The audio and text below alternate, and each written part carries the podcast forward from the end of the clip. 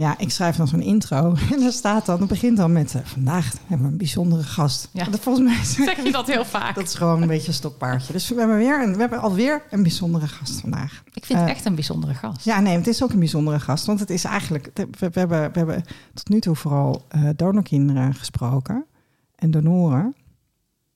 Mensen die op een of andere manier betrokken zijn. En de manier waarop jij betrokken bent bij eh, donorconceptie, daar hebben we nog niet, eh, nog niet aan de hand gehad. Want vandaag is hier letselschadeadvocaat Mark de Hek. Mark kun je kennen van de rechtszaak van donorkind Maria tegen Rijnstaten en van de rechtszaak van een moeder, haar zoon en Stichting Donorkind tegen massadonor Jonathan. Ehm, toen ik Mark vroeg of hij alles een DNA-testje had gedaan, toen stuurde hij me meteen een internetlinkje naar zijn vader met foto. Geen twijfel mogelijk, zei hij.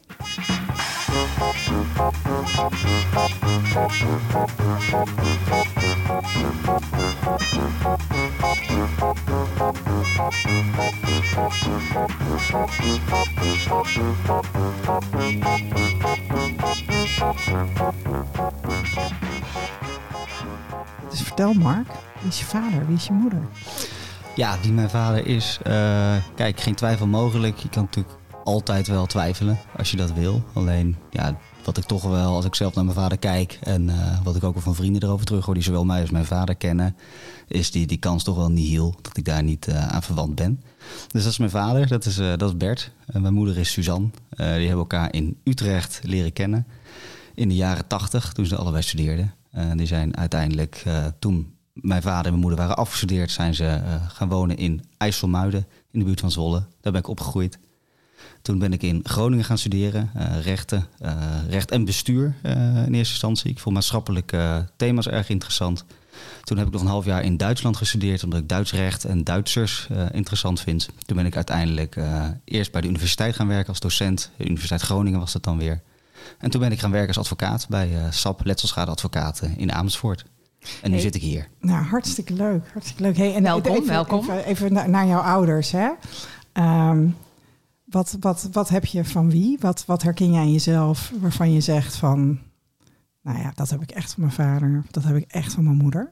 Ehm, ja, een beetje open deur. Mijn vader is ook jurist. Dus dat, eh, dat is wel een beetje het ouderwets verhaal van de paplepel. Ehm, mijn oudere broer, ik heb, eh, ik heb drie broers. één oudere en twee, eh, twee broertjes. Oudere broer is ook eh, advocaat. Dus dat is wel een beetje het standaard verhaal. Het is niet, niet heel eh, eh, creatief, origineel. dat ik ook echt ging family. Ja, best wel, best wel een beetje. Ja. Ehm, nou, wat ik denk van beide ouders wel, wel heb meegekregen, is dat ik ehm, probeer altijd wel wat bezig te zijn met ethiek en moraliteit. Op welke manier dan ook. In het recht zit natuurlijk ook heel veel ethiek. Eh, rechten is, is voor een heel groot deel gewoon ethiek in combinatie met taal. En nou, dat, dat is iets wat mij gewoon enorm, enorm fascineert. Ehm, en dat, daar ging het bij ons vroeger thuis ook wel over. Het ging ook veel over politiek, over maatschappij. eh dus ook wel wat over rechten. Kun, je- Dat, kun je eh, daar concrete voorbeelden van noemen? Van wat, sprak, wat sprak je dan aan? Waar gingen die gesprekken dan over? Nou, we waren veel bezig met de actualiteit. Dus ehm, politieke ontwikkelingen. Dat is nu op dit moment natuurlijk ook weer, eh, begint weer goed, goed los te lopen. Nou, dan denk ik vooral een campagnetijd bij ons, daar ging het daar gewoon heel veel over. En dat waren wel, eh, wel interessante keukentafelgesprekken. En nou ja, met zo'n gezin met vier broers, dan heb je ook wel snel eh, veel discussies met elkaar. Dus dat argumenteren en dat eh, ook elkaar verbaal een beetje proberen pootje te haken, dat zat Ja. er ook al vroeg in. Dus dat is ook echt wel een beetje gezinsding. Op een liefdevolle manier hoor. Maar wel. Nou, daar heb je wel veel aan in jouw werk, denk ik. Dat je dat hebt kunnen oefenen zo. ja, nu mag ik dat in de rechtszaal doen. Ja, Precies, die ja. is, dat wel, is dat wel iets wat, wat me bekend voorkomt vanuit mijn jeugd. Dus dat is inderdaad dat is interessant, dat is leuk. Ja. En die actualiteit, gaat het dan ook over grote maatschappelijke uitdagingen, zeg maar, en, daar, en oplossingen daarvoor bedenken? Dat je daar met elkaar over in gesprek gaat? Of, Ja, ook dat. Ehm, ja, kijk, mijn, eh, eh, mijn ouders hebben in die zin allebei altijd een duidelijk maatschappelijke visie gehad. En die hebben ze ons ook willen meegeven. En eh, da- daarom ging het daar dus, daar dus veel over. We zijn nu heel veel bezig met, eh, met klimaat. Ehm, dus, nou, Jouw ben, eh, ouders? mijn ouders, ja. Oh, cool. Dus ehm, we zijn eh, een paar weken geleden naar Frankrijk gegaan eh, op vakantie. En dat eh, deden we dan nu dus met de elektrische auto. Dus ik heb nu ook kennis gemaakt met de term laadpaalstress. Die hebben we ook wel een heel klein beetje ja, wat, ervaren. wat was die? Hè?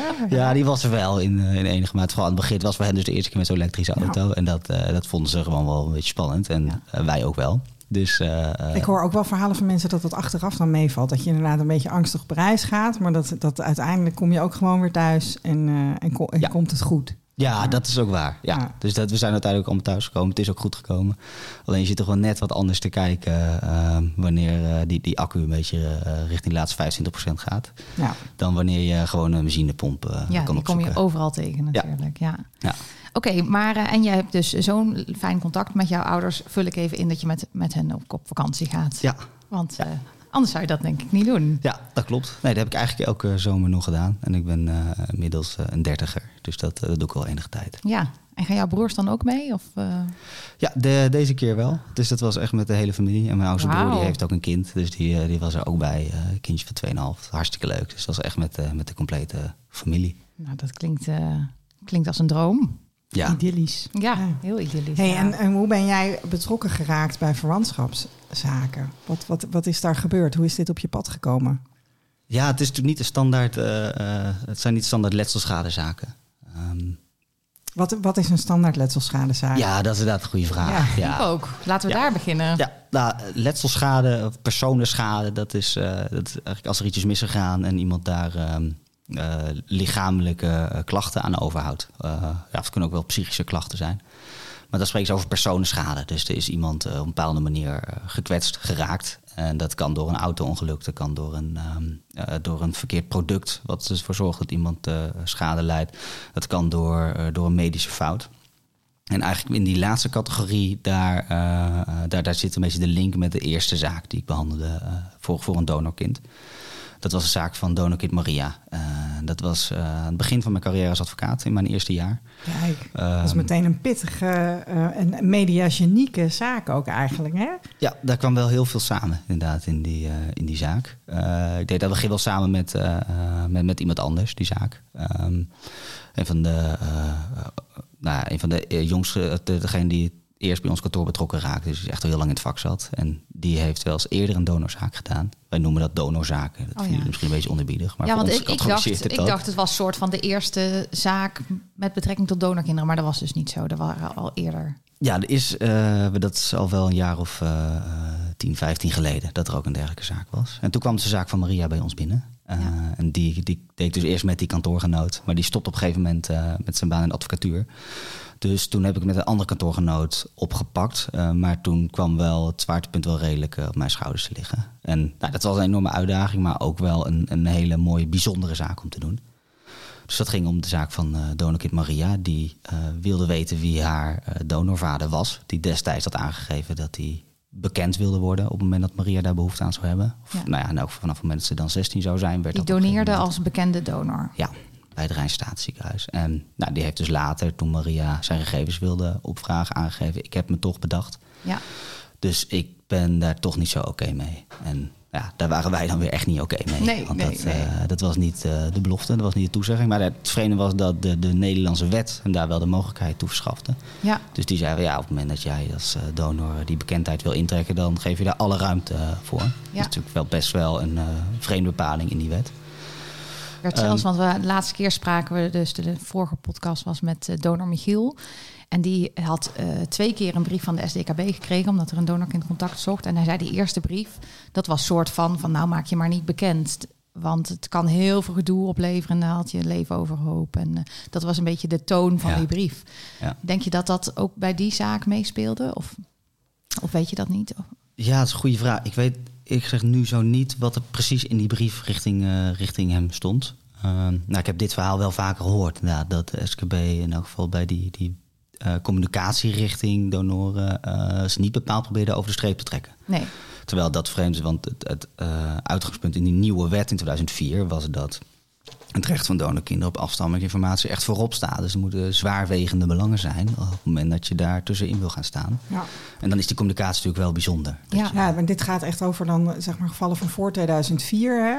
Ja. Blijkbaar vond iedereen dus van, nou ja, oké, we hebben nu dan afgesproken dat vanaf 2004 dat dat, dat dat geregeld is. Maar voor 2004 ben je dus echt tot helemaal niets verplicht. En dat stond ook echt gewoon eh, eh, expliciet in die brieven van dat je natuurlijk helemaal het recht hebt om, eh, om je niet bekend te maken. Ja. En eh, Ja. dat, dat, dat is inderdaad wel een beetje gek. Ja, dat is best een beetje gek. Ja, Ja. Ja, en dat, de, dat, de vraag is dus of je dat recht inderdaad hebt.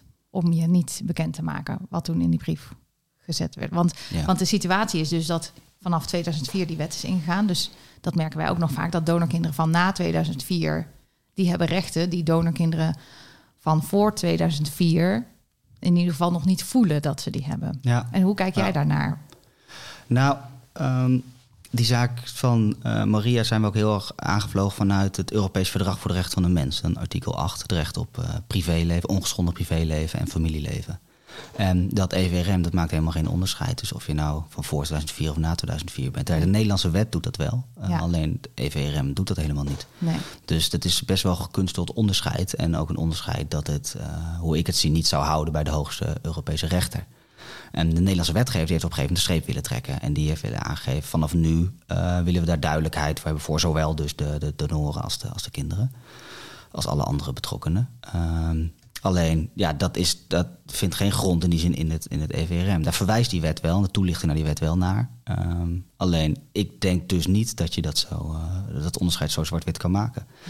Ik denk dat eh, ook donorkinderen van voor 2004, ehm, ook of ze nou eh, afstammen van een bekende donor of een anonieme donor of iets ertussenin, want er waren ook heel veel varianten, ziekenhuizen en donoren maakten allerhande afspraken.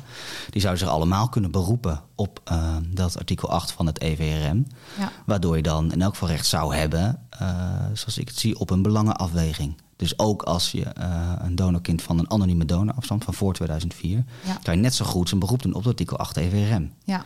En dan zal wel het feit dat het een anonieme donor was, dat zal wel gewicht in de schaal leggen. Dat is wel een wat andere situatie dan wanneer het een bekende donor was, in het kader van eh, gerechtvaardigde verwachtingen aan beide kanten. Maar ehm, ik denk dat ook een kind van een anonieme donor van voor 2004 daar gewoon recht op heeft, op grond Ja. van het EVRM. Ja. Ja. Ja, nog eventjes. Ik vind, ik vind het heel fijn om te horen. Hè? En ik hoop dat er mensen luisteren die ook denken van... oh ja, zie je, we hebben dus ook rechten. Ja. Ehm, ehm, wat, daar, wat daar een beetje eh, eh, lastig mee is, is natuurlijk dat heel veel, heel veel zaken zijn. Heel veel, heel veel informatie is vernietigd. Hè? Dus eh, je kan er recht op hebben, maar ehm, dat wil niet zeggen dat je het ook echt krijgt. Er zijn ook artsen geweest en, en klinieken die echt actief de boel vernietigd hebben op het moment dat die wet in werking trad. Ja. Ehm, dus dat, dat is dan een beetje een akelige bijkomstigheid. Maar ik kan me inderdaad voorstellen dat als jij dus een brief ja, je doet een aanvraag bij STKB, dat adviseren we ook altijd vanuit Stichting Donorkind. Van, van, vanaf het moment dat je op zoek gaat, de, de, de, eerste stap is van je neemt contact met de kliniek en je vraagt van eh, hè, hoe, hoe ging het toen, welke dokter was het, gewoon de, informatie ophalen en je, en je doet een aanvraag bij STKB. Ehm, dat eh, als je die aanvraag dus afwijzen, dan zou je dus kunnen besluiten om vervolgstappen te nemen. Om te zeggen van joh, ik neem hier geen genoegen mee.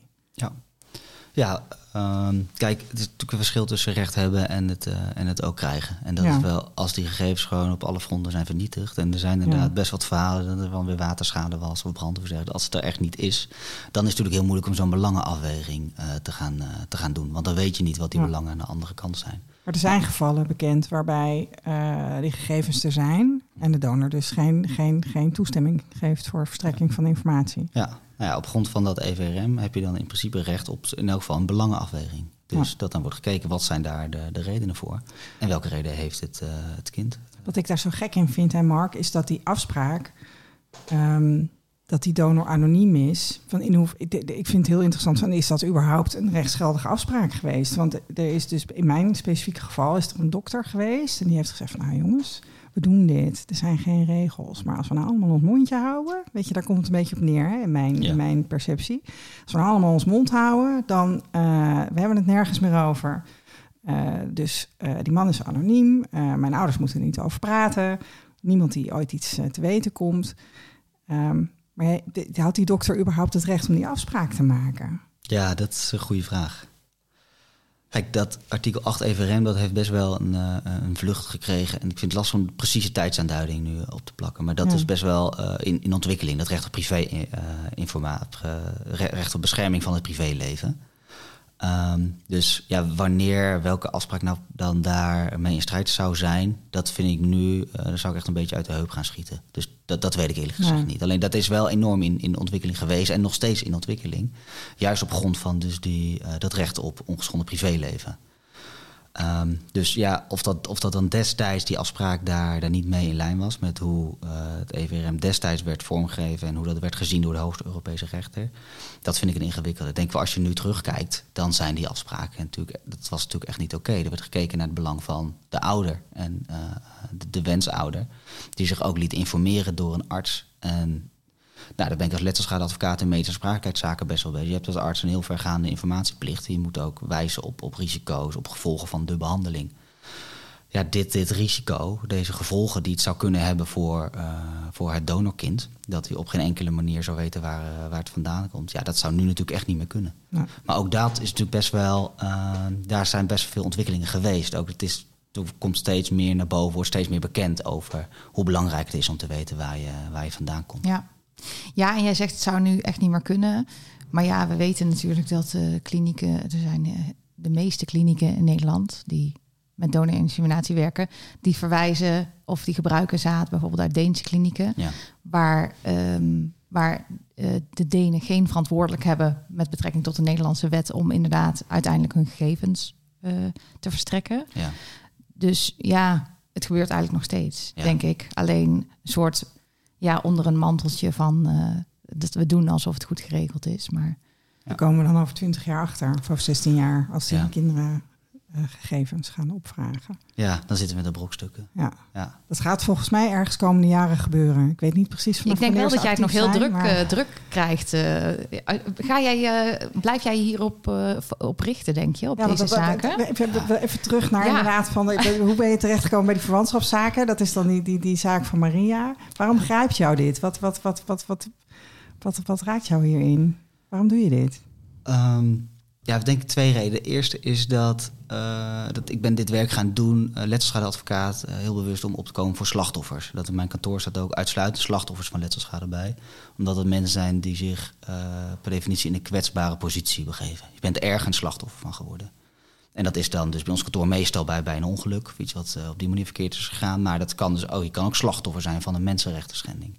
En dus die kwetsbare positie, uh, dat heeft mij heel erg aangesproken. Je neemt het ook over het algemeen op tegen een veel grotere, kapitaalkrachtige organisatie. Dus tegen een ziekenhuis, of een verzekeraar of een, een overheid, een producent. Dat zijn altijd echt uh, nou, de, de organisaties die echt wel spierballentaal kunnen. Ja, en diepe kunnen zakken spreken. hebben ook. Ja, die ja. kunnen gewoon doorgaan. Ja. En uh, het spreekt mij juist heel erg aan om het op te nemen voor die underdog, dus tegen die grote partij. En dat zie ik dus uh, bij uitstek bij uh, dit, dit, type zaken. Dus die, uh, die, die zaken namens donorkinderen.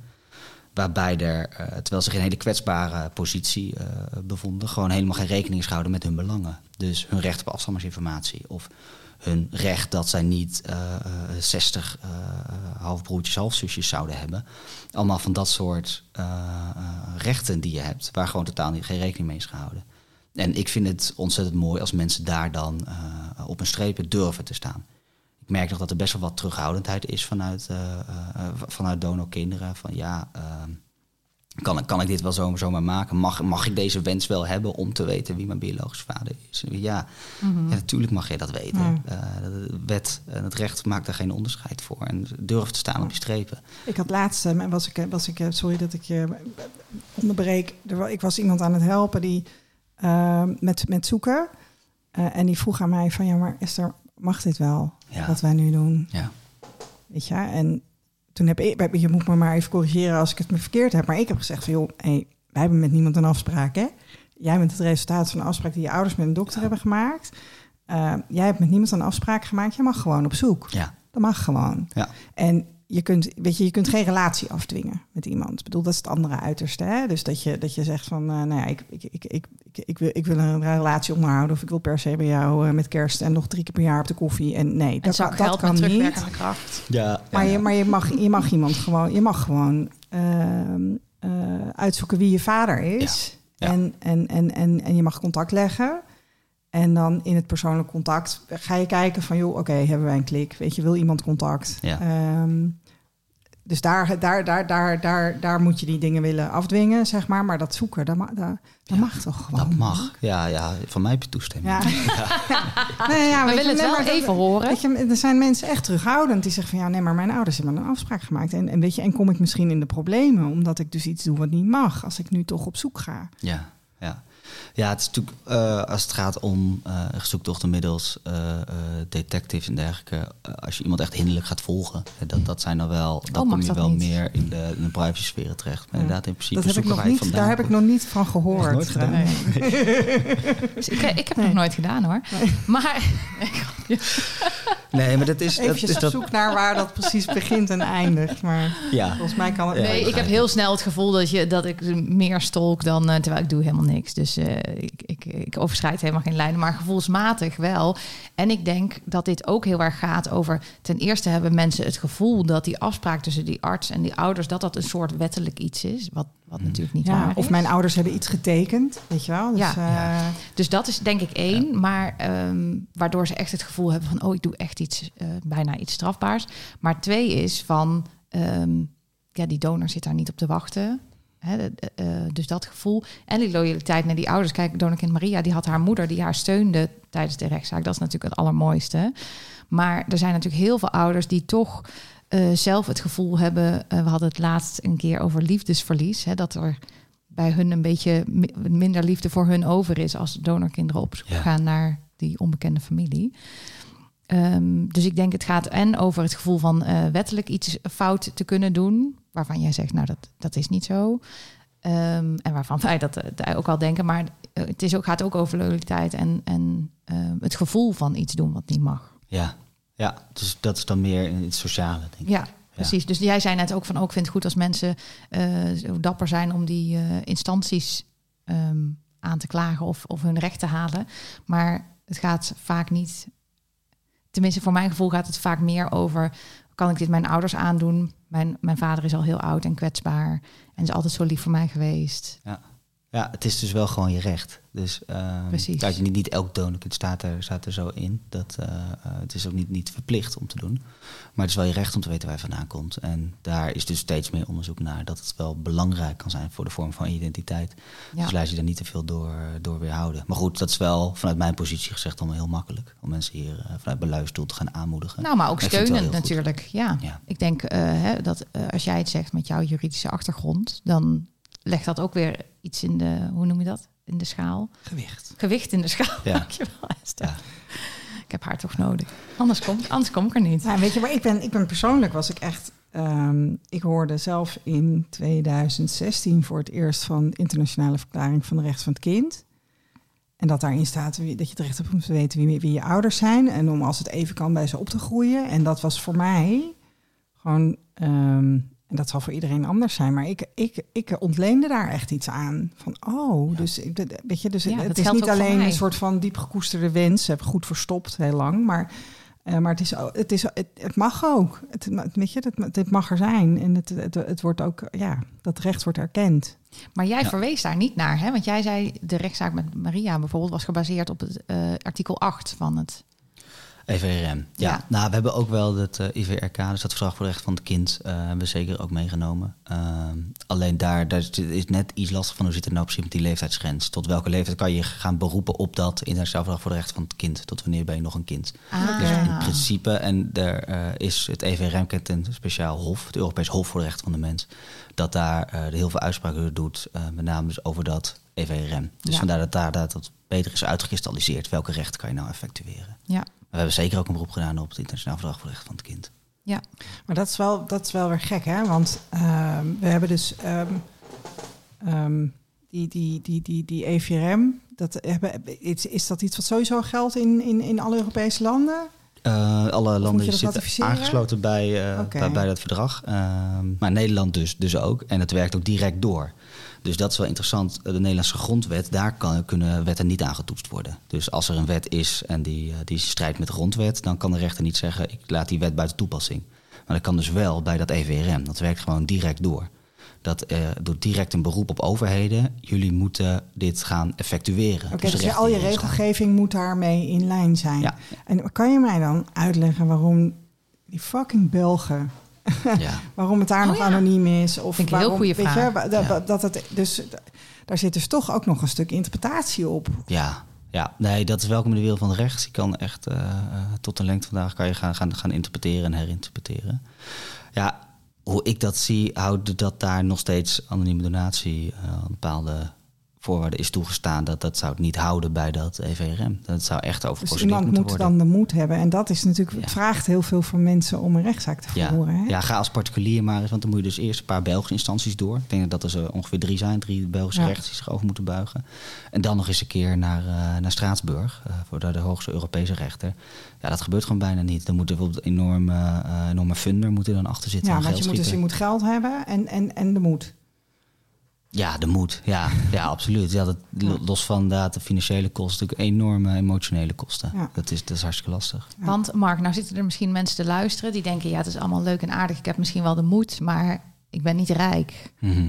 Ehm, moet, je, moet, je rijk, moet je een rijk donorkind zijn om, eh, om zo'n rechtszaak aan te kunnen spannen, zeg maar? Ja, dat hangt natuurlijk vanaf wat voor rechtszaak het zou zijn. Ehm, maar het is vaak wel, eh, dit, dit zijn zaken waar je meestal wel moet procederen. Ehm, en het vervelende aan procederen is dat, met name als je hem verliest, dan kan je een proceskostenveroordeling krijgen. Ehm, en ja, dat, dat gaat wel vaak al om eh, behoorlijk wat duizenden euro's. Ja. Dus dan heb je en een zaak verloren en je moet nog eens de eh, kosten van je advocaat wederpartij betalen. Dus dat, dat is in die zin gewoon een kostbare exercitie. Ja, Ehm, nu is het wel fijn als mensen een rechtsbijstandsverzekering hebben. Dan kan je die kosten daar gewoon op, eh, op verhalen. Dus dat is dan wel een stuk gunstig. dus stel je bent een donorkind met een rechtsbijstandverzekering, dan, dan zijn die financiële barrières, eh, die zijn er dan eigenlijk dan niet. heb je eigenlijk alleen die moed nog nodig. ja, die moed en de energie. En omdat zo'n procedure ook wel jarenlang kan, eh, kan Ja. duren, heb je ook geduld nodig. Ja, moed, geduld en, en een rechtsbijstandverzekering. Bij voorkeur wel. Ja. Maar dat is, ja, het is geen, geen eh, eh, absolute drempelvoorwaarde hoor, dat iemand een rechtsbijstandsverzekering heeft. Eh, sowieso zouden mensen altijd even kunnen bellen of even kunnen vragen wat, wat de mogelijkheden zijn. Ja, Maar het is met name als je echt gaat procederen en dat langere tijd gaat duren, ja, dan heb je gewoon bepaalde risico's die je loopt. ja. En ehm, ben jij nou, eh, heb jij nou zoiets van, oh, ik ga me hier helemaal op richten en hierop specialiseren? En, want ik denk wel dat Ja. als er nu donorkinderen zijn die denken van, oh, maar die Mark de Hek die heeft al twee van dat soort zaken gedaan, dus eh, daar ga ik bij aankloppen. Ja, nou, dit is wel iets wat we als, ook als kantoor gewoon toenemende mate eh, doen. Dus ik pakte die zaak bij Maria op met een collega. Is nu een andere jonge collega met wie ik eh, veel van dit soort zaken doe. En dat is ook, ik kom even terug op wat zijn nou de redenen om dit soort zaken te doen. Dus los van die mensen in die kwetsbare positie is het ook eh, inhoudelijk ontzettend uitdagend. Dus je hebt te maken met eh, verschillende afspraken die door elkaar zijn. Als het bijvoorbeeld gaat om een bekende of een anonieme donor. Die verdragen die werken door. Ja, Eh, bij procederen wordt het ook vaak inhoudelijk uitdagend. Dus dat is voor, voor mij, voor ons als kantoor ook een. eh, in die zin zijn het ook wel hele interessante zaken, gewoon, gewoon inhoudelijk. Dus Ja. dat is ook een reden om dit, dit te doen en te blijven doen. Ehm, en het zijn gewoon over het algemeen hele prettige cliënten om mee te werken. En dat is ook natuurlijk een groot voordeel. En Dus- waarom, waarom maakt dit, eh, dit soort cliënten het prettig? Nou, het zijn toch ook zaken waarbij mensen het gevoel van ja, ik heb toch niks te verliezen. Dus ehm, eh, je, je neemt het dus op tegen zo'n zo'n grotere wederpartij. En ehm, eh, het, het alleen aan het begin al luisteren naar iemand en naar de vragen, de vragen waar iemand mee zit proberen te beantwoorden. En proberen te luisteren. Wat, ja, wat eh, belemmert iemand nou? Waarom wil iemand nou zo'n stap zetten om bijvoorbeeld naar de rechter te gaan? Ehm, dat zijn in die zin al wel hele, hele mooie gesprekken aan zich. Ja. En dat is ook wel een mooie afwisseling van de normale letselschadepraktijk. Dus vandaar dat we dit als kantoor wel, eh, wel een toenemende mate doen. Je, je, hebt, je hebt meerdere zaken lopen nu. Ja, het is niet over eh, elke. Het zijn natuurlijk heel gevoelige zaken. Dus ehm ja. als er zaken in die media zijn, daar kan ik natuurlijk vrij, vrij over spreken. Maar er zijn best een aantal zaken die ik op dit moment namens donorkinderen doe. Dat is ook omdat er natuurlijk ontzettend veel is misgegaan eh, in het verleden. Dus in die Ja. zin is er ook heel veel recht te zetten. Ehm, Ja. En dat eh, begint dan vaak met de brief waarin je uit, uiteenzet waarom jij vindt dat eh, ofwel die, die kliniek of, of iets of iemand anders iets fout heeft gedaan. Dan kom je er dan buiten rechten niet uit dat je dan kijkt naar een, naar een procedure. En dat zijn wel een paar zaken die nu lopen. Ja. Want heb je bijvoorbeeld ook al zaken, zonder eh, namen te noemen en zo, heb je ook al zaken. Moeten we even zwaaien naar de Ja. foto? Hij praat gewoon verder. Ik, Ja. eh, let, niet, let niet op mij. Eh, heb je ook al zaken tegen donerende artsen? Ehm, ja, daar zijn we wel mee bezig. Als ik daar nou ja. aan mag vragen. Ja, ja, ja. Nee, daar zijn we zeker mee bezig. Ehm. Omdat dat is natuurlijk veel voorgekomen. Er komt steeds Want meer naar boven. ehm, ik denk wel eens, we hebben hier wel eens discussie aan tafel van mocht dat nou of mocht dat nou niet. En eh, ja, ik denk wel eens, ja, die mensen wilden een kind van een anonieme Ja. donor en heel graag van een slim iemand. Hè, want dan zeiden ze, oh, die eh, zijn allemaal studenten en heel slim. Ik denk, ja, die arts die was vast slim. Mhm. En eh, ja, je hebt een kind. Dus eh, ja, waar, even grof gezegd, is dat soms een beetje mijn gedachte van ja, hoe erg is het nou helemaal? Dat is het perspectief van de ouder natuurlijk, wat jij nu schetst. Ja, maar voor het kind denk ik helemaal. Maakt het nou uit of de dokter jouw vader is of, eh, of, of eh, een, een student die rondliep in dat ziekenhuis waar de dokter werkte? Nou, ik denk wel. eh, Maar nou ga ik denk dus niet Mark dat dat kan. vindt. Ja. Nou, laat ik beginnen met, eh, ehm, eh, met de commissie Braat te noemen. Daar is niet Mhm. iedereen even, groot, even groot fan van, maar die heeft zich hier wel over uitgesproken. Ja, En onder andere, ehm, ik weet even niet of ik nou helemaal goed formuleer, maar een arts dient een zekere distantie te bewaren Ja. tot, de, tot de patiënt. ja, En ja, je komt natuurlijk wel heel dichtbij op het moment dat je eh, Ja. daar gewoon je eigen semen voor gebruikt. Ja. Dus dat is één. Eh, wat ik zelf verder ook wel vind bij het gebruik van je eigen zaad als, als arts. Ehm, doorgaans ben je als arts niet alleen dan betrokken bij de inseminatie, maar begeleid je verder ook, eh, ook die zwangerschap. En daarbij is het zo in Nederland dat op het moment dat het leven van de moeder in gevaar komt, dat je dan altijd kiest voor het leven van de moeder. mhm. Op het moment dat jouw eigen biologisch kind is waar die moeder zwanger van is, dan kan jij daar helemaal niet goed over adviseren. Dan kan jij daar helemaal niet goed niet wauw. behandelen. afstand naar kijken. Ja, Oh, daar heb ik nog nooit over nagedacht. Nee. ja, dat vind ik dus hartstikke link. Op het moment dat Ja, dat- zo dichtbij komt. Ja, dus dat kan zeker. niet. Ja. En dat vind ik ook weer interessant, want daarmee zeg je eigenlijk biologisch kind. Terwijl in, in de wereld van donorconceptie wordt natuurlijk heel erg geframed van ehm, dat het is niet jouw kind, want je hebt een zaadje weggegeven. Ja.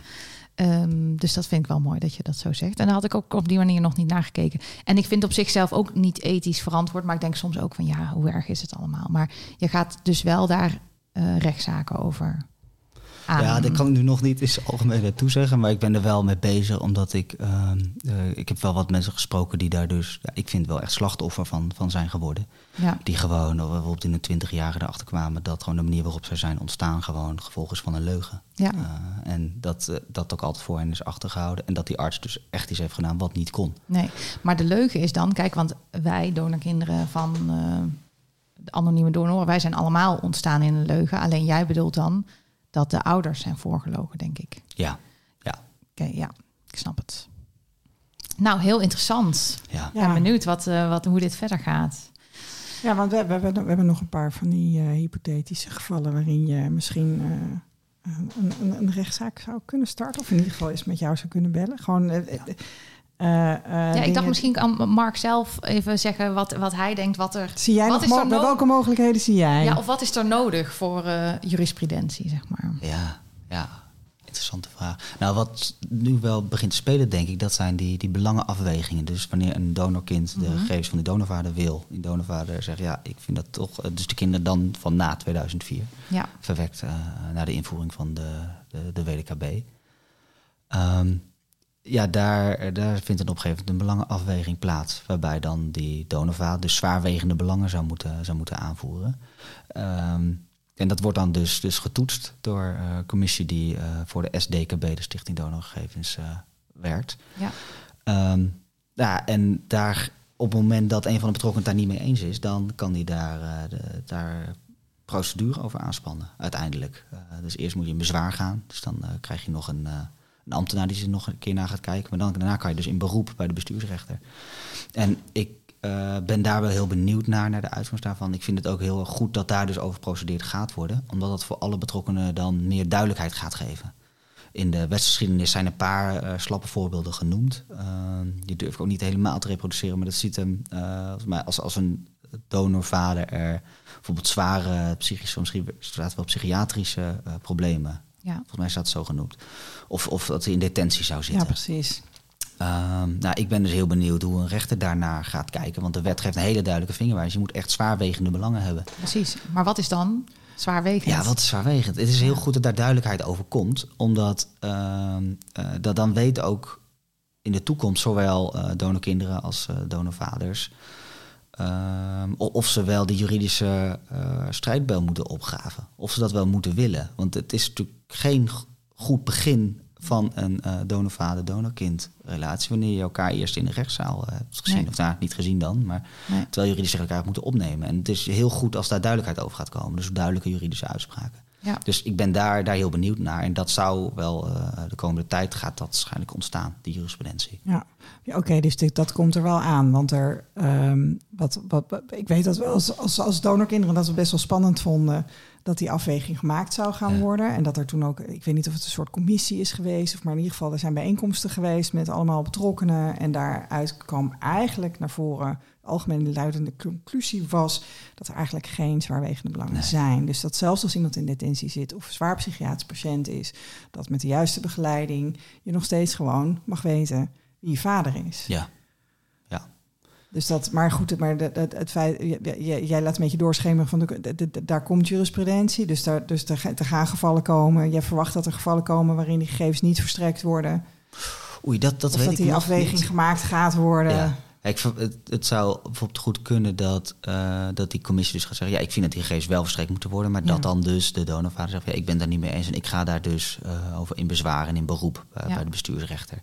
En dan Oké. komt daar dus duidelijkheid Ja. over. Ik zou ook niet weten wat het, dan, wat het dan zou zijn. Alleen, ja, dat is wel met het recht. Je kan het gek niet verzinnen of het gebeurt. Ehm, dus Dus we daarom... kunnen nu nog niet bedenken Nee. wat er gebeurt. Nee, en dus ook wat dan misschien dat er toch ergens een zwaarwegend belang denkbaar zou zijn. Nou, als het denkbaar is, dan wijst de praktijk uit dat het op een gegeven moment dus ook gebeurt. Eh, Omdat het is natuurlijk zo groot uiteindelijk. Er zijn zoveel Nederlanders. Dus dat leer je wel in je rechtenstudie. Oké. Ja, denk niet van dit is heel als je het kan geval. bedenken, en als je het kan bedenken, maar ook als je het niet kan bedenken, dan gebeurt het. Ja, dus een beetje. kans dat het. Oké. Oké. Ach jeetje. Ja, ik, ik, ik had ook nog Ties gevraagd van eh, heb je eh, hè, wat, wat, wat, wat, wat, wat hij nog voor ideeën had. En die zei ook van ja, dat ehm, ehm, bijvoorbeeld het feit dat een donor meer dan in 12 gezinnen of in, voor 25 kinderen eh, gebruikt is. Is dat, is, dat, is dat ook nog een. eh, zou je daar ook nog iets mee kunnen als blijkt dat je heel veel broers en zussen hebt? Ja, het is wel een medische fout.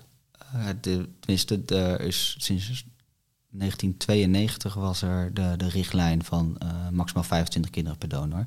Die werd ook wel onderschreven door, eh, door de klinieken. Ja, Dus ja, als een daar. soort zelfregulering was dat dan, hè? Ja, ja, ja, maar dat is wel ja, een, een arts die zich wel te houden aan de professionele standaard, zoals het heet. Dus wat is gebruikelijk? Ja. wat, wat, zijn, wat, zijn goede, wat zijn goede standaarden? Wat is goed gebruik? En ja, dit werd wel, dit was onomstreden. Dus eh, ja, als daar inderdaad dat, dat wat is fout, dan heb je dus een medische fout. Eh, is wel de vervolg van ja, wat, wat is je schade? Hè? Die vraag probeer ik als letterschadadvocaat ook aan een vroeg stadium te beantwoorden. Wat, wat is nou je schade? Maar ik snap wel dat het idee om een eh, toch uniek gewenst wezen te zijn, daardoor is aangetast.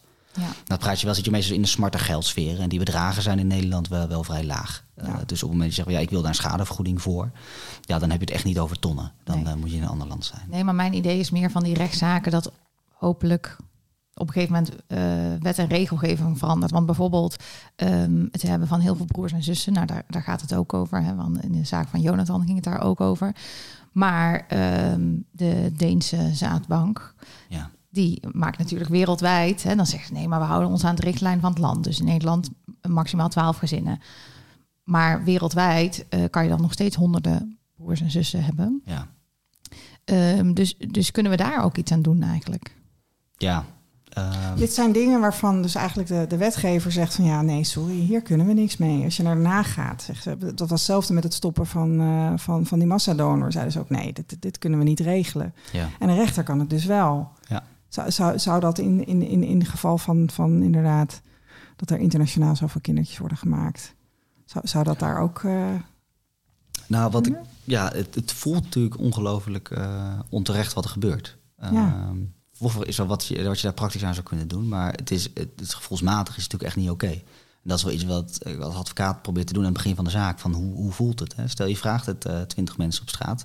Zouden ze zeggen of dit kan of niet? En dat is best wel een indicator voor of je zo'n zaak gaat, gaat aanvliegen of niet. En ja. hier denk ik, de wetgever is zo'n uitgebreid systeem nu aan het optuigen. Omdat we er met z'n allen van overtuigd zijn dat het niet goed is om zoveel halfbroertjes, halfzusjes te hebben.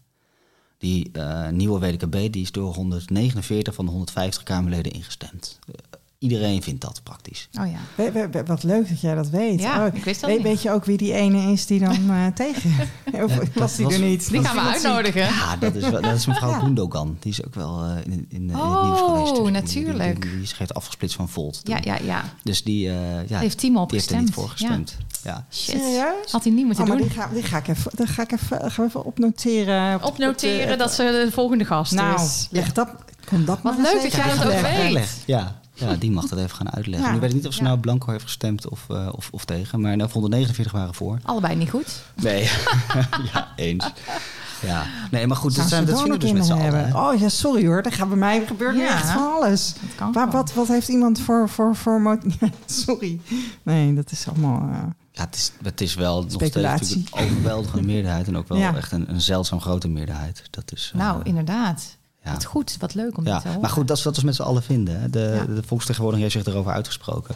Waarom accepteren we dan wel met z'n allen dat er klinieken zijn die gewoon dat gewoon omzeilen? Het is gewoon een enorm of Precies. klinieken, zo'n European Sperm Bank, maar die werken natuurlijk samen met klinieken. Want de Nederlandse klinieken die weten ook wat daar gebeurt. Ja, ja en die eh, accepteren dat. Want die, Ja. die denken, ja, het is nogal krap op de, op de markt. Dus wij, eh, wij maken daar gebruik van. Echt niet oké. Nee, ik, ben- wat, ik, wat ik begrijp is dat, eh, dat, dat zij, zeg maar, ze krijgen een vergoeding per inseminatie of zo. En of dat nou is met een hele zelf opgetuigde en onderhouden donorsemenbank of inkoop lekker goedkoop uit Denemarken, zeg maar, dat ze daar zelfs vergoeding voor krijgen. Dus dat er ook gewoon een soort van perverse geldverdienprikkel is om de, toch dat Deense zaad ook te gebruiken. Ja, maar dat zijn natuurlijk gewoon commerciële instanties. Ja. Eh, ja, die, Ja, want er wordt ook heel vaak een soort argument gebruikt van ja, in Denemarken is de, de, de drempel voor mannen om sperma te doneren lager. Of dat is eh, de bereidheid om te doneren is groter. ja. Maar er wordt gewoon heel veel reclame gemaakt. Ehm, en, en in Ne- Nederland niet. Dus Ja, Dus daar je weet ook het- vergoedingen, toch? Voor de donoren. Daar Ja, kan maar- je ook voor maar ook- doneren. ook dat je denkt, die klinieken verdienen echt wel daar veel ruim, ruimer op dan dat die donoren volgens mij betaald worden. Dus Ja. ja, Het is gewoon Ja, het is handel. toch- Het is echt gewoon handel, maar ik heb toch altijd ook het gevoel dat die donoren, ja, dat die er niet eh, het allerrijkst van worden. Nee. Nou ja, dat weet ik ook niet wat ze allemaal krijgen. Maar bijvoorbeeld, eh, net als Jonathan, hè, als je zelf als zelfstandige, als soort van ZZP'er, zaaddonor de wereld over reist. Ja, ja. Ja, dan, Nou ja, daar heeft de rechter natuurlijk vrij duidelijk over gezegd dat dat echt niet oké is. Want je Nee. hoort niet te liegen over zoiets. Ehm, en ja, we hebben in die procedure ook veel gegevens ingebracht over de schadelijke effecten die het heeft voor donorkinderen wanneer ze onderdeel zijn van zo'n groot verwantschapsnetwerk. ja, En dat heeft de rechter ook meegenomen in, in het vonnis. Dat Precies. het los van het effect eh, op de ouders, van ja, die zijn gewoon voorgelogen, dat dus ook een negatief effect heeft voor die kinderen. ja, En die redenatie, die laatste, die kan je natuurlijk ook optuigen bij een European Sperm Bank. Van, Ja. ja. het is dus heel veel wetenschappelijke onderbouwing dat het niet goed is om zoveel halfbroertjes, halfzusjes te hebben.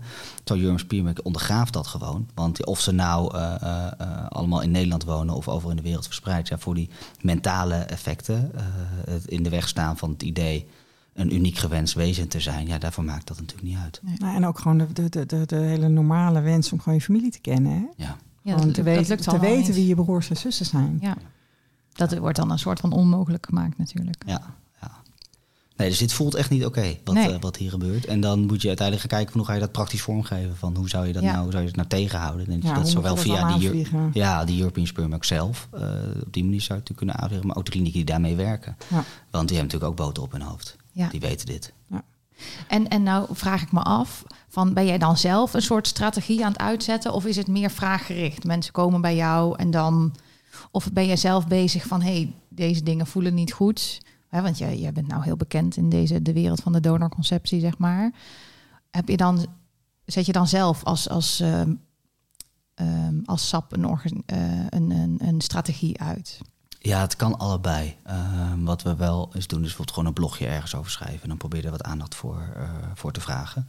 Of je gaat in een podcast in een podcast zeggen dat je iets echt wil stoppen. Ja, ja.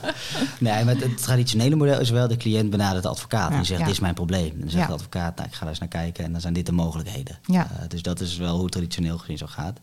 Alleen, ehm, wij proberen daar zelf ook wel wat activistischer in te zijn. Omdat wij vinden, als advocaat ook een maatschappelijke roeping. En eh, als jij vindt dat er dingen, eh, dat, dat de mensen gevaar lopen... dan moet je daar wat tegen proberen te doen. Want dit zijn natuurlijk ook zaken... ehm, er is wel een, een, een beetje een kentering van het ouderwetse model van je moet vooral kijken naar schadevergoeding. Dat je nu ook wel steeds meer kijkt naar schadebeperking, schadevoorkoming. Mhm. Dat zie je bijvoorbeeld van die zaken als, als Urgenda. Eh, dat dus een milieuorganisatie zegt van ja, hallo overheid, Mhm. jullie moeten hier echt meer doen om eh, het zorgen voor CO2-reductie. Of dat je Shell eh, op die manier aanpakt. Dus los van dat je aan het eind van de rit gaat kijken wat is er fout gegaan, hoe gaan we dat vergoeden. Dat je juist aan het begin kijkt van hoe kunnen we zorgen dat het niet fout gaat of dat het nu stopt. En ja, dat zijn dan zaken, daar gaat minder snel iemand een advocaat voor bellen. Want je zit zelf nog niet met het probleem. Alleen je ziet Nee. iets accident waiting to happen. En dan denk je, ja, we moeten hier nu gaan ingrijpen. En dat zou inderdaad wel zo'n zo'n zaak zijn. Ja. Jeetje, wat interessant wat jij allemaal uh, doet en vertelt, joh. Ja. Ja, nee, wat, wat, wat, ik, wat, wat, waar ik ook aan zit te denken hè, is. Um, um, het is de vraag voor iedereen die straks gegevens gaat opvragen of die gegevens er zijn. Ja. Want niet alle klinieken zijn bijvoorbeeld nog actief. Of er zijn rechtsopvolgers. Of, um, dus ondanks dat we die wet hebben uit 2004, is het de vraag of al die kinderen straks, als ze 16 worden, inderdaad ook echt gegevens krijgen. Hè? En dat, is, dat, is, dat, dat, dat vind ik persoonlijk spannend. Ja. ja. En ik kan me ook voorstellen, ja, maar hoe, kan, kan jij daar iets over zeggen, hoe dat werkt op het moment dat een kliniek overgaat in een andere kliniek of een kliniek houdt op te bestaan? Um, van wat ik nu begrepen heb, is het niet zo dat SDKB zeg maar een heel grote archiefkast heeft en alle informatie bewaart. Nee, op het moment dat er een aanvraag komt, dan nemen zij contact op met de kliniek voor informatie. Oké. Okay. Um, um, wat, wat gebeurt er als zo'n als, als zo'n kliniek er niet meer is? Of als hij. Uh, ja, hoe ik het begreep was juist dat de STKB die gegevens dienen op te slaan. Maar dit zeg ik met een klein voorbehoud in. Dat dacht ik ook. Misschien is hier ook wel het onderscheid tussen voor en na 2004 aan de hand hoor. Want ik, ik, dat zou goed kunnen. Um, Jammer dat ze dit niet precies weten. Ja, Sorry. Ja, ik, ik had het idee dat inderdaad voor de, de kinderen van na 2004... dat daar voor de SDKB die gegevens... Uh, dat de, de klinieken dus verplicht waren die gegevens over te dragen naar de SDKB. Is het daar niet bij de SDKB, dan is ofwel bij de betreffende kliniek... of bij de SDKB wat Ja. fout gegaan... als dat inderdaad het uh, construct was destijds. Oké, dus en maar dit, ja, dit- dit, oké, dit, dit, dit, ik vind dit zelf nog spannend. Ja, dit, snap wordt, dit, wordt, dit wordt de komende twee, ja, en, en, en ook ehm, eh, bijvoorbeeld die donerende artsen. eh, de meeste die, die gevonden zijn, zijn overleden. Eh, nou ja, er leven, er leven er ook nog een paar. Ehm, nu wordt er gezegd van nee, maar we zijn nu, er zijn zulke strenge protocollen, dat, dat gebeurt niet Oh ja. meer. Ja. Ja. Er zijn Geloof geen, jij daarin? vervuilde- Nee, Nee. er zijn geen Oh. vervuilde instrumenten meer nu. Nee, inderdaad. Ja, dat was op een gegeven moment inderdaad de reden dat de arts zei van ja, dat was. Ik, ik heb iemand met mijn eigen semen geïnsemineerd, maar dat kwam omdat ik daarvoor experiment had gedaan met mijn eigen semen. Ja, Ja. ja. Dat de waarheid kennelijk niet- zoveel moeilijker te vertellen is dan deze smoes. Dat Ja, is wel echt ja, een beetje, inderdaad. Dat is, eh, dat is een beetje treurig. Ja, nee, dat is, eh, wat ik net zei, je kan zo gek niet verzinnen of het gebeurt. En Ja. het is in het verleden natuurlijk, eh, is er heel veel gebeurd. Ehm, kijk, er zijn wel, dat, dat is wat een beetje standaard, eh standreflex vanuit klinieken. Zeggen, ja, vroeger was er geen enkele regelgeving en, en nu wel. Alleen ja, de gevolgtrekking van ja, daarom ging het vroeger fout en nu niet meer. Het had natuurlijk ook wel te maken met de ethiek van de betrokken artsen. Bedoel, je hoeft geen hele strenge regels te hebben om te weten dat het best wel dubieus is om je eigen Ja, zaad precies. te gebruiken. En de ethiek was er toen ook al. Ja. Dus ja, maar goed, het is nu natuurlijk wel, ik denk wel dat, eh, eh, dat er wat meer terughoudendheid is vanwege die, die DNA-testing. ja, ja, ja. het is niet zo goed voor je Dus mensbeeld. na dit werk. 2016 of 2017 zal het niet zo heel vaak meer gebeuren Ja. dat artsen doneren. Nee, want dan Maar weet je goed. dat ze gepakt kunnen worden. Nee, het is wel voor je mensbeeld is het niet altijd even eh, opbeurend, dit, dit, dit type, type zaken. Nee. Omdat je ziet gewoon wat, wat doen mensen als ze denken dat niemand kijkt. Mhm. En ja, daar komen dus decennia later komen erachter wat voor gevolgen dat, dat heeft op mensenlevens. En ja, ik denk dus wel dat die kansen eh, dat, dat artsen nu over de schreef gaan op dat gebied, eh, dat die dus wel kleiner zijn. Ja. Dat ze gewoon gepakt worden. Ja. Vind je Maar dat goed, ja, dat persoonlijk... weten we dus vrij recent. Dat, dat is eh Ja. gang even. Vind je dat persoonlijk wel eens lastig? Dat je dus, want ik herken dat wel in mijn werk, zeg maar, dat je dus eh, heel veel ziet wat er misging. Of dat de, de beetje nare kanten van mensen, die, die zie jij dus ook in jouw werk. Ja, ik vind het juist ook wel motiverend, omdat ik dan Ja. als advocaat kan proberen om dat recht te gaan zetten. Dus Ja. ik zit dan juist met iemand die daardoor Ja, gedupeerd je kan is. wel in de actie natuurlijk. Ja. Hè? Dat is wel lekker, denk Ja, ik. nou ja, jij het ook toch? Als Ik je, ook- ik kan ook in de eh, actie, in inderdaad. uithangt. Dat is, Nee, maar ik bedoel meer in mijn werk als vertrouwenspersoon eh, jeugd. Ja, Ehm, want ja, dit doen we natuurlijk een beetje voor de, voor de hobby. Hele leuke hobby. Ehm, nee, maar ik zit dus hier en, en in mijn werk als vertrouwenspersoon ja. aan de kant van alles wat misgaat, dat, dat hoor ik, zeg maar. En dat heb jij dan ook. ja. En, en denk je wel eens van, eh, pff, het valt me even zwaar. Ja, ehm, ja, het valt wel, wel eens zwaar. Uh, meer je denkt van, hoe, hoe houdt het in je hoofd? Maar dat is dan meer ook bijna een soort van verontwaardiging. Mhm. in plaats van dat ik er neergeslagen van word. En het is ook wel... Je zit dan juist met zo'n met zo'n cliënt die daar dus echt de dupe van is. Dus Mhm. ehm, daar wil ik dan vooral eh, voor gaan strijden... om proberen om dat recht te zetten... om de waarheid boven tafel te krijgen. ja, een echte strijder. Ja, ik vind zo'n cliënt vooral een echte strijder eigenlijk. Ja, ja, die, ja. voor mij is mijn werk. En, ehm, Ja, dat is waar. Voor jou is het niet persoonlijk, hè? Nee, En Nee. voor die cliënt wel. Ja. Want hoe voelde bijvoorbeeld de uitspraak van de, van de zaak van Maria voor jou? Ja, die uitspraak was wel wat teleurstellend. Ehm, het is even goed om te vertellen. Dus we eh, hebben toen een zaak gestart tegen de, de kliniek. Omdat Mhm. wij zeiden, ja, hallo, er was gewoon beloofd aan de moeder van Maria... dat zij die gegevens zouden krijgen van, eh, van de donorvader. En ook aan Maria was daar natuurlijk ook aan verbonden aan die afspraak. Ja, Dus daarom zijn wij een zaak tegen de kliniek gestart. Ehm, en ja, toen kregen wij dus, eh, eh, de, dus het vonnis. En ik begin altijd meteen achteraan met lezen als advocaat. Ja, daar staat de conclusie in. Mhm. Dan, dan zag ik ja, een afwijzing en ook nog Maria in de proceskosten. Eh, dus ja, dat was natuurlijk allemaal helemaal niet leuk. Ehm, en nou ja, toen zijn mijn collega en ik heel snel gaan doorlezen door die hele uitspraak heen. En toen zagen we eigenlijk dat het, het, ehm, het hoofd van het vonnis, dus niet de conclusie dan, maar wel daarvoor het, het lichaam van het, eh, van het vonnis, dat dat eigenlijk best wel mooie overwegingen bevatte. Dus dat ze in principe wel recht zou hebben op de gegevens. En dat het ook een mensenrechten schending was, dat zij daar gewoon categorisch van werd eh, eh, weerhouden. Dus dat ze in principe als donorkind dat recht heeft om te weten waar je vandaan komt. Ja. Alleen het werd dan een, een, een praktische draai die de eh, rechtbank Gelderland eraan gaf. Van, wij weten niet wat nou de redenen zijn van die donorvader zijn bekendheid in te trekken. Dus wij kunnen hier niet die belangenafweging doen. Maar zij heeft er in principe recht op. Dat zagen we direct als een mogelijkheid om ook daarmee richting de SDKB te stappen. Dus Mhm. de overheid. Omdat we dachten, ja, die kunnen wel die belangenafweging gaan doen. Dus het gaf wel direct een haakje. ja, Maar het was natuurlijk in eerste instantie wel, als je die conclusie leest, van ja, de vordering wordt gewoon compleet afgewezen. Dat is natuurlijk echt teleurstellend. Want Ja. dat ja, moet je dan met eh, Maria en, eh, en, en haar moeder moet je dat gaan bespreken. En dat is, eh, dat is geen leuke boodschap om te brengen. Nee. Nu was het ook wel, hadden we dus wel direct dat inzicht van we gaan er uiteindelijk.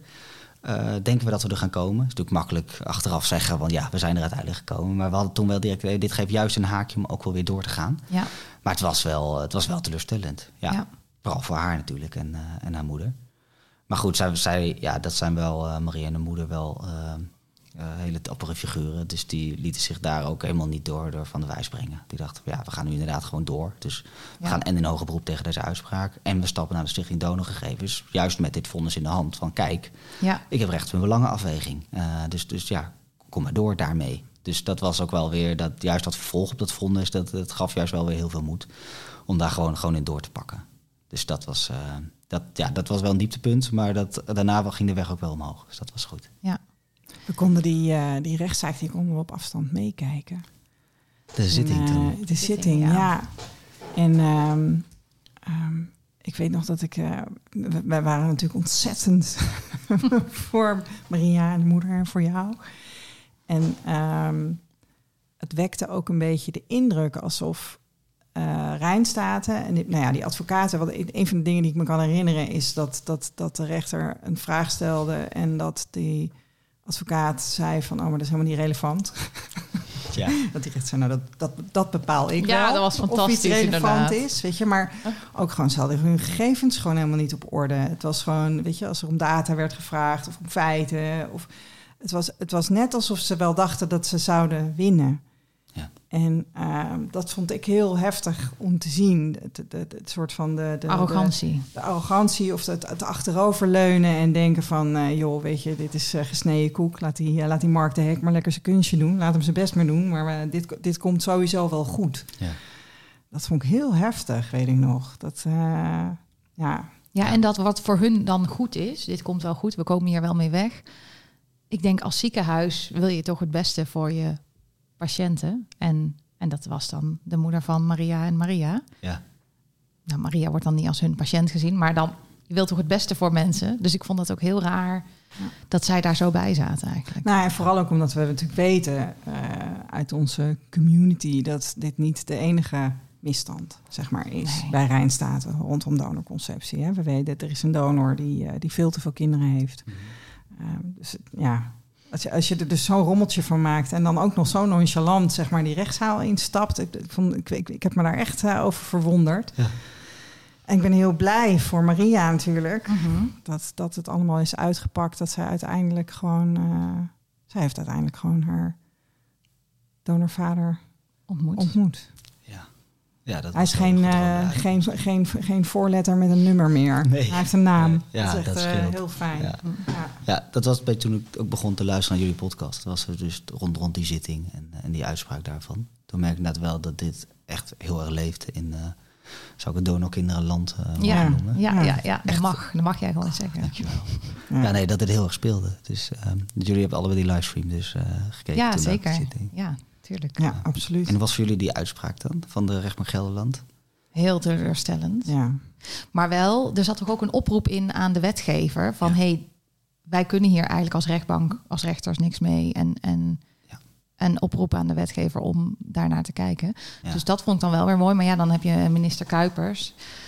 Die, eh, die hebben we laatst dus ook. eh, dat vond ik bijvoorbeeld heel frustrerend. Toen hebben we zitten kijken naar die, ehm, eh, die bespreking van de wet DKB. ja, het debat over de, Dat debat. Over de wet. Ja. Ugh, en dat, ja, sorry, ik word helemaal onpasselijk werd ik ervan om daar naar te kijken. En dat hij bij alles zei van nee, nee, daar, daar kunnen we niks mee. En ik dacht, ja, jij vindt het gewoon niet interessant of zo. Het, het raakt jou niet. En, en dat is natuurlijk heel vaak met, dat heb jij denk ik ook met jouw cliënten.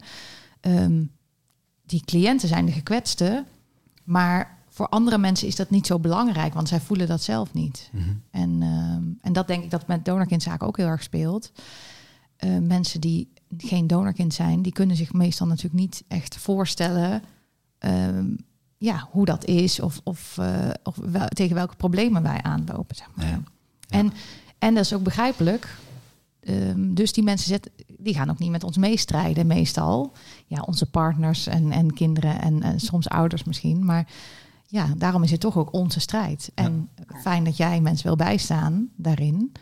Want daardoor staan we natuurlijk st- veel sterker als, als, eh, ja, als een jurist, als een advocaat zich daarvoor inzet. Dat is denk ik wel heel krachtig. We kunnen, we kunnen het niet alleen eigenlijk. Wat ik heel mooi vind, is dat je nu ook een zaak hebt. Dat was 25 juli in het nieuws. Dat jullie eh, acht geadopteerden uit Sri Lanka bijstaan Ja. Tegen de overheid. Ja, dit, ehm, zo'n zaak namens geadopteerden tonen best wel wat eh, gelijkenissen met zaken die we doen voor donorkinderen. Ehm, omdat eh, ja, die, die missen ook een onderdeel van hun stamboom. Ehm, ja, nou, bij, eigenlijk gewoon de hele stamboom eh, vaak. Dat zijn mensen die in de jaren tachtig in Sri Lanka zijn, eh, zijn geboren, geadopteerd. En normaal gesproken krijg je als adoptiekind een adoptiedossier mee. Waarin gegevens staan over eh, jouw familie in eerste instantie, maar ook over je eigen gezondheid en over hoe het op dat moment met je, met je ging als kind. En de Nederlandse overheid mocht ook alleen een visum geven als was aangetoond dat de adoptie in belang was van dat kind. En dat de ouders op eh, ehm, acceptabele wijze afstand hadden gedaan van dat kind. En ja, deze mensen zijn er gewoon eh, meestal in hun twintiger jaren achter gekomen dat dat hele adoptiedossier gewoon niet klopte. Nee. Dus er stonden gewoon evidente tegenstrijdigheden in verschillende namen van biologische ouders. Er, eh, sommige mensen hebben een zoekreis gemaakt en dan kwamen ze met dossier aan bij het ziekenhuis waar ze zogenaamd zouden zijn geboren. Ja, maar er waren helemaal geen meisjes geboren hier eh, op die dag dat jij geboren zou zijn. Dus die hebben gewoon op één na, dan hebben ze allemaal niet een biologische familie eh, gevonden. En ja, dat, dat is natuurlijk evidente mensenrechten schending. Mhm. Je hebt het recht om te weten waar je vandaan komt. En je hebt ook eh, als, als adoptiekind heb je het recht op dat je een kloppend adoptiedossier hebt. Want je mocht alleen een visum krijgen op het moment dat het vaststond. En ja, dat is in die zin, ehm, ja, dat recht op afstammersinformatie, eh daar daar zijn we als kantoor veel mee bezig.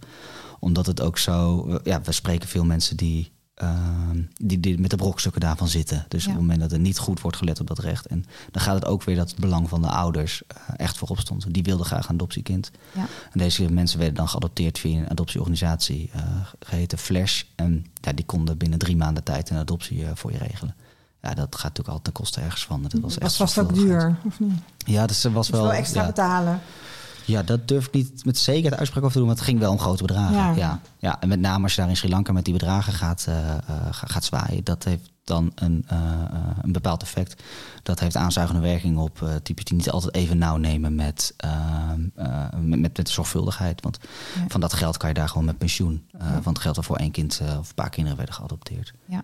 verkocht, kunnen we ook zeggen. Ja, het is, ja, het is Ja. echt gewoon verkocht. Het is gewoon Ja, mensenhandel. Maar ik vind het ook heel goed dat de, de staat dus daar nu aangeklaagd wordt. Omdat, ehm, kijk, in onze geval dat artsen rare dingen deden, dan denk ik nog dat zijn mensen. Maar dit is gewoon de staat Ja. hè, die, die de inwoners van zijn land, maar ook die gewoon voor, goed voor zijn mensen moet zorgen. En dat dus helemaal niet heeft gedaan. En, Nee. eh, dus ik vind dat heel goed. En ik hoop dat het heel veel effect ook heeft voor. ehm, Nou, ontzettend spannend ook. ja. Echt. Ja. Ehm, over adoptie. Ehm, in de volgende episode bespreken wij het boek van eh Micha Blok.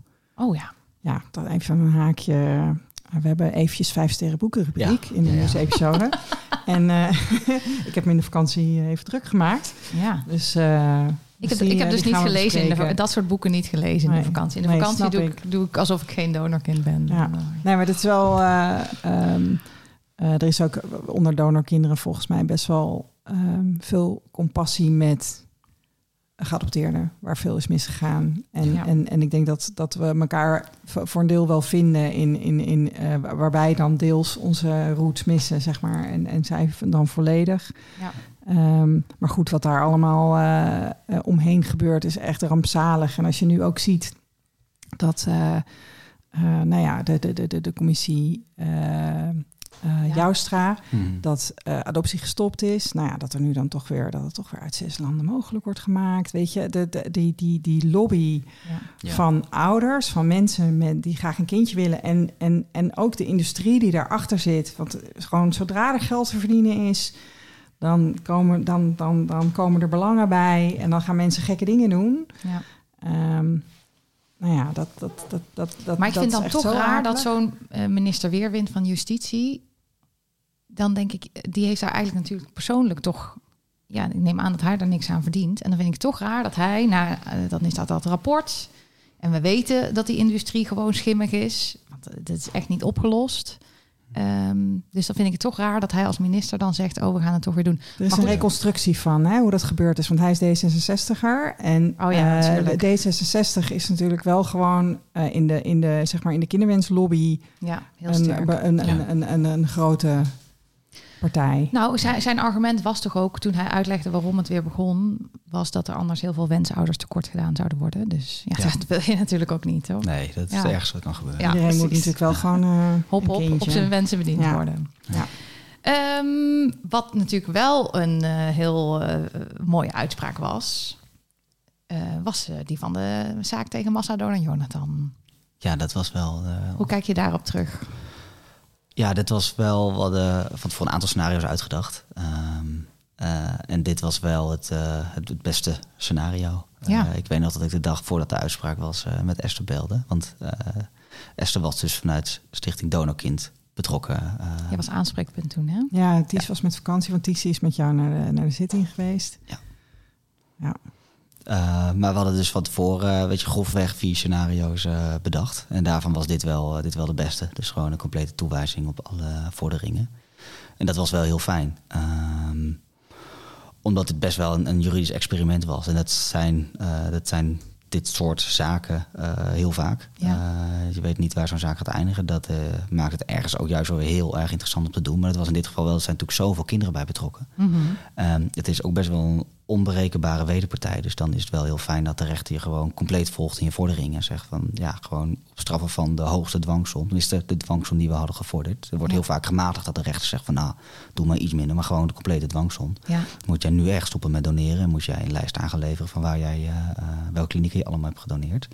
En je mag ook niet meer over communiceren. Je mag uh, wat dat betreft gewoon helemaal niks meer. Nee, en precies. Dat, uh, dat was wel een hele, ja, een hele bevredigende uitspraak. Ik had het niet aanzien komen. Nee? Nee, ja, maar ik ben een juridisch onderleg natuurlijk. Maar ik dacht, ja, hoe kan je...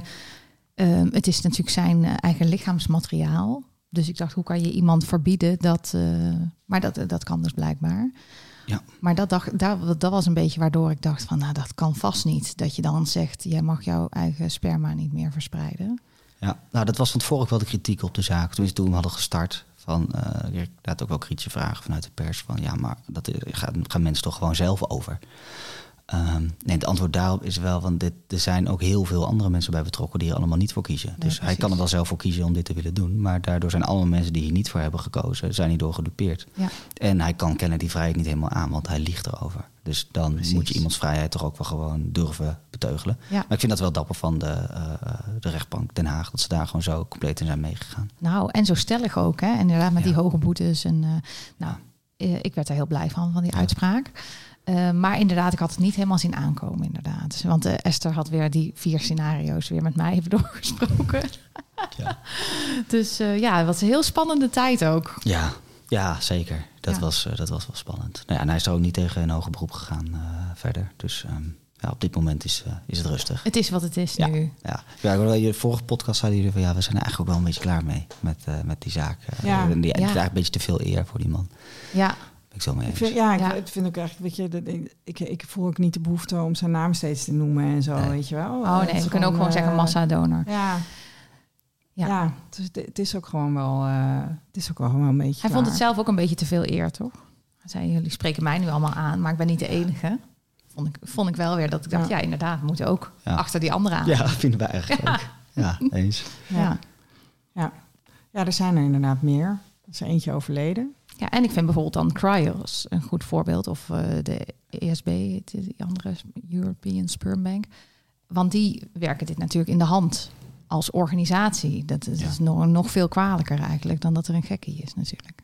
Ja. Ja, ja en, het, en het geeft natuurlijk gewoon aan dat je... eh, sowieso, deze man heeft dan ook heel veel mensen om de tuin geleid. Ehm, maar het geeft ook wel aan hoe wanhopig mensen een, een, een kind willen. Dat je dus eh, ja, op zoek bent naar iemand en dan ehm, je blijkbaar dus ook zo kan vergissen. Ja. Dat lijkt me heel akelig. Ja, maar als Ja. iemand echt een goede leugenaar is. En, en, eh, want heel veel van die ouders hadden natuurlijk best wel een mooie visie. Zo van, ook wil dat het een bekend iemand is. en dat hij niet eh, zoveel zoveel kinderen heeft rondlopen. Dus als iemand gewoon heel goed kan liegen. Ik had gisteren dus, ik zat, voordat we begonnen, zei ik tegen jullie dat ik een podcast had geluisterd over liegen. Van de wereld van Sophie. Heel interessant, een aanrader. Zoek hem op. Maar eh daar was ook een, een, een vrouw die had onderzoek gedaan naar, ehm, naar leugenaars. En of je kan zien of iemand liegt. En mensen denken dat altijd. En er zijn allemaal verhalen over als iemand met zijn linker eh, naar de linkerbovenhoek kijkt, dan, eh, dan liegt hij. Of eh, Oh, of als mensen te veel details vertellen. Maar ze zegt dat is allemaal niet bewezen, zei die vrouw. Ehm, en je kan net zo goed een muntje opgooien. Want als je een muntje opgooit, dan heb je nou, 50% van de tijd heb je het goed. En er was dus onderzoek gedaan. En als, mensen echt, als ze mensen echt vroegen van... oké, probeer te ontdekken van... Hè, is iemand eerlijk of liegt iemand... dan hadden mensen het in 53% van de gevallen goed. Dus het is eigenlijk gewoon niet... eh, ja, het is niet te doen blijkbaar. Als iemand gewoon heel goed kan liegen, ja, dan, dan, dan trap je er gewoon in. Ja. Ja. Ja, Wil ik maar zeggen om voor die mensen, ja, ja, die hebben soms wel hun best gedaan. En ja. Nou, gezien de enorme hoeveelheid slachtoffers kan je net wel stellen dat deze man heel goed was in, eh, in liegen. ja, Dus, dus de vraag is of een individu zich daar dan heel schuldig over moet voelen. Want er zijn, deze man heeft zo ontzettend veel slachtoffers gemaakt. Hij had zo'n verfijnde strategie. precies. Dat, zelf, ja, dat is natuurlijk ook met, met de oplichting. Eh, ja, je, Dat is hetzelfde. ja, je voelt je achteraf toch gewoon... Je voelt je eh, een zelf sukkel. ja, net Ja. een beetje dommig. Ja, Maar die mensen zijn er gewoon ongelooflijk bedreven in. Dus ja, dat ze jou dan ook in de val lokken. Ja. eh, dat ligt niet, eh, niet per se aan jou, dat ligt vooral aan hen. precies. Dus de schuld wegnemen. Zijn er nog meer ehm, ideeën voor zaken, Mark, of dingen waarvan jij zegt van ja, maar die moeten nog geregeld worden? Of die, die wil ik nog doen in, in deze context? Ehm, nee, ja, dat is dus wat ik net zei over die zwaarwegende belangen. Ik ben daar ook wel benieuwd van, heb je dan ook recht op een soort hertest? Dus stel, er is nu een soort toets geweest van zwaar, heeft een bekende donor, nou, die anoniem wil worden, daar zwaarwegende belangen voor. Hoe zit dat dan tien jaar later? Want dat is volgens mij een momentopname. Ja, Ze kunnen natuurlijk ook eh, ontwikkelen wat dat betreft. Dus dat, dat is vooral het gebied waar, eh, waar ik nu erg geïnteresseerd in ben. Omdat ik denk dat dat voor heel veel mensen heel belangrijk is dat er meer duidelijkheid over komt dan nu. Ja. Hey, en hoe zit dat bijvoorbeeld met, eh, er schiet mij iets te binnen. In, volgens mij 2016 of zo, eh 2017 kwamen we erachter dat STKB in het systeem bij donoren van voor 2004 automatisch het vinkje had aanstaan met dat diegene geen contact wilde. Want die was immers anoniem. Dus iedereen die voor die datum een aanvraag heeft gedaan bij SDKB, heeft een brief gekregen waarin stond dat de donor geen contact wil. Ja, dat is wel een eh, behoorlijke fout. Want het was ook wel bekend dat er eh, A- en B-loketten waren. Er staat ook in de memorie van toelichting voor die WDKB in 2004, die memorie van toelichting stamt uit 1992, 93 volgens mij, dat er dus gewerkt werd met A-loketten en B-loketten. Dus dat is in de wetsgeschiedenis gewoon naar voren gebracht. Dus het was daar bekend dat niet iedereen van voor 2004 anoniem was. Dus Ja. als er dan toch zo'n vinkje, eh, wordt, eh, eh, zo'n vinkje wordt geplaatst, dan eh, geeft het absoluut te denken. Dat is gewoon Wat, het, wat sowieso ook heel akelig eraan is, hè, is dat jij dus een aanvraag doet. En eh, dat je dan, een, dan denk je dus dat ze contact met hem zoeken. Ja, zo klinkt het. Want dat, Ja. dat is de indruk die gewekt wordt. En dat hij dus op dat moment actief gezegd heeft dat hij niks met jou te maken wil hebben. Terwijl dat dus helemaal niet het geval hoeft te zijn. Dat was gewoon een vinkje in een systeem. Ja. Ja. Sowieso een oproep voor iedereen die eh, zeg maar eh, voor 2020 een aanvraag heeft gedaan bij SDKB en een afwijzing heeft ontvangen om gewoon nog een keer die aanvraag te doen. Want Ja. het kan dus zijn dat, het, dat, dat, nu Ja. dat, dat, dat nu dat vinkje weg is en dat er dus wel contact wordt opgenomen. ja. Want weet ook iedereen die destijds dan zo'n brief Nee, heeft gekregen nou ja, dat is dus, dat is, dat nee, dat denk ik niet. Nee. Ja. Je ziet Mark Als je je niet, ver- als je, je niet Nee. verdiept in, in eh, als je niet ehm, contact hebt met andere donorkinderen. Stel je hebt die brief gekregen en je denkt, oké, nou, dan is het zo. Ja. Eh, ik wil nog meer teleurstelling voorkomen, dus ik parkeer de boel. ja, Ja. hij wil dus niks met mij te maken Ja. hebben. Ik ga dit loslaten. Ja, Ja. Dan ben je dus, Nou, dan, eh, dan eh, weet je niks. En, dan, en dan kan je lekker verder worstelen in de wetenschap dat je vader niks met je te maken wil hebben. Want Ja, dat denk je nou. Dat denk je dan. Ja, Ja. en als zo'n brief vrij duidelijk is, dan eh, geeft het ook geen reden om nou ergens eh, op de barri- barricades te gaan staan of zo. Ja.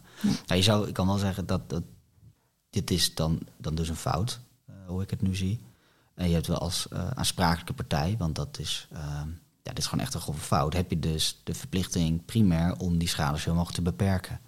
Dus dan zou je kunnen zeggen dat er dan wel de verplichting is om daar een, een nieuwe brief achteraan te sturen.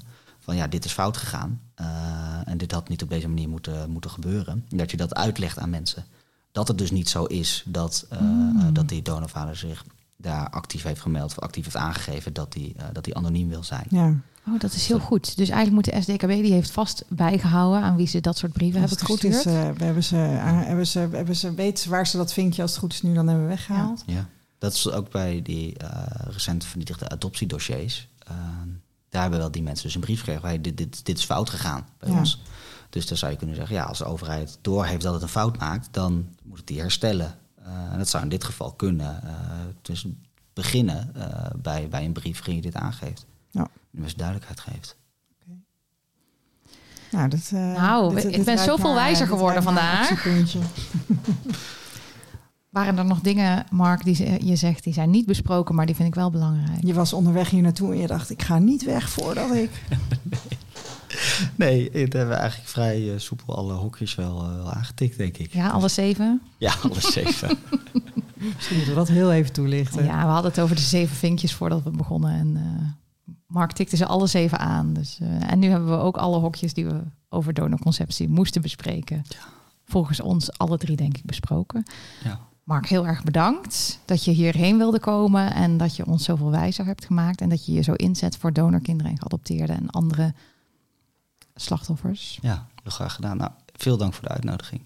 Het, het is eh, eh, altijd leuk als je een podcast, eh, podcast luistert en daarvan geniet. En dat doe ik. Maar het is dan helemaal leuk als je dan dus wordt uitgenodigd in die podcast. Dus dat vond ik echt heel leuk.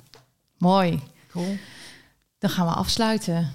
Ehm vind je ga- dit nou ja. een mooie podcast? Eh, dan kan je bijvoorbeeld met andere mensen delen. Of eh, je geeft hem eh, Gaat sterretjes. Ja. Of een review. Eh, dat, dan is hij weer beter vindbaar voor andere mensen. Wil je ons sponsoren? Dan kan je mailen naar de kwakkwaakt.gmail.com.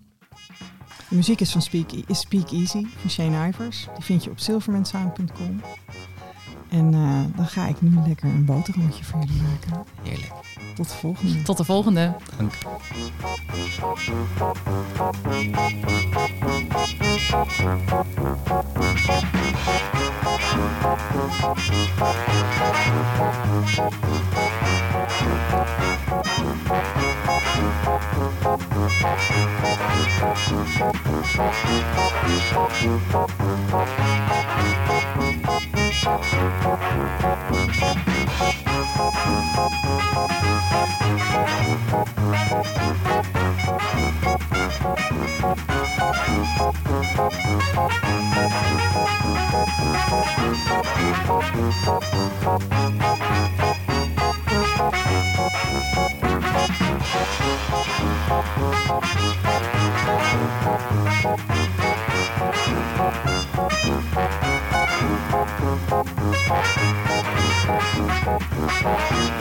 Thank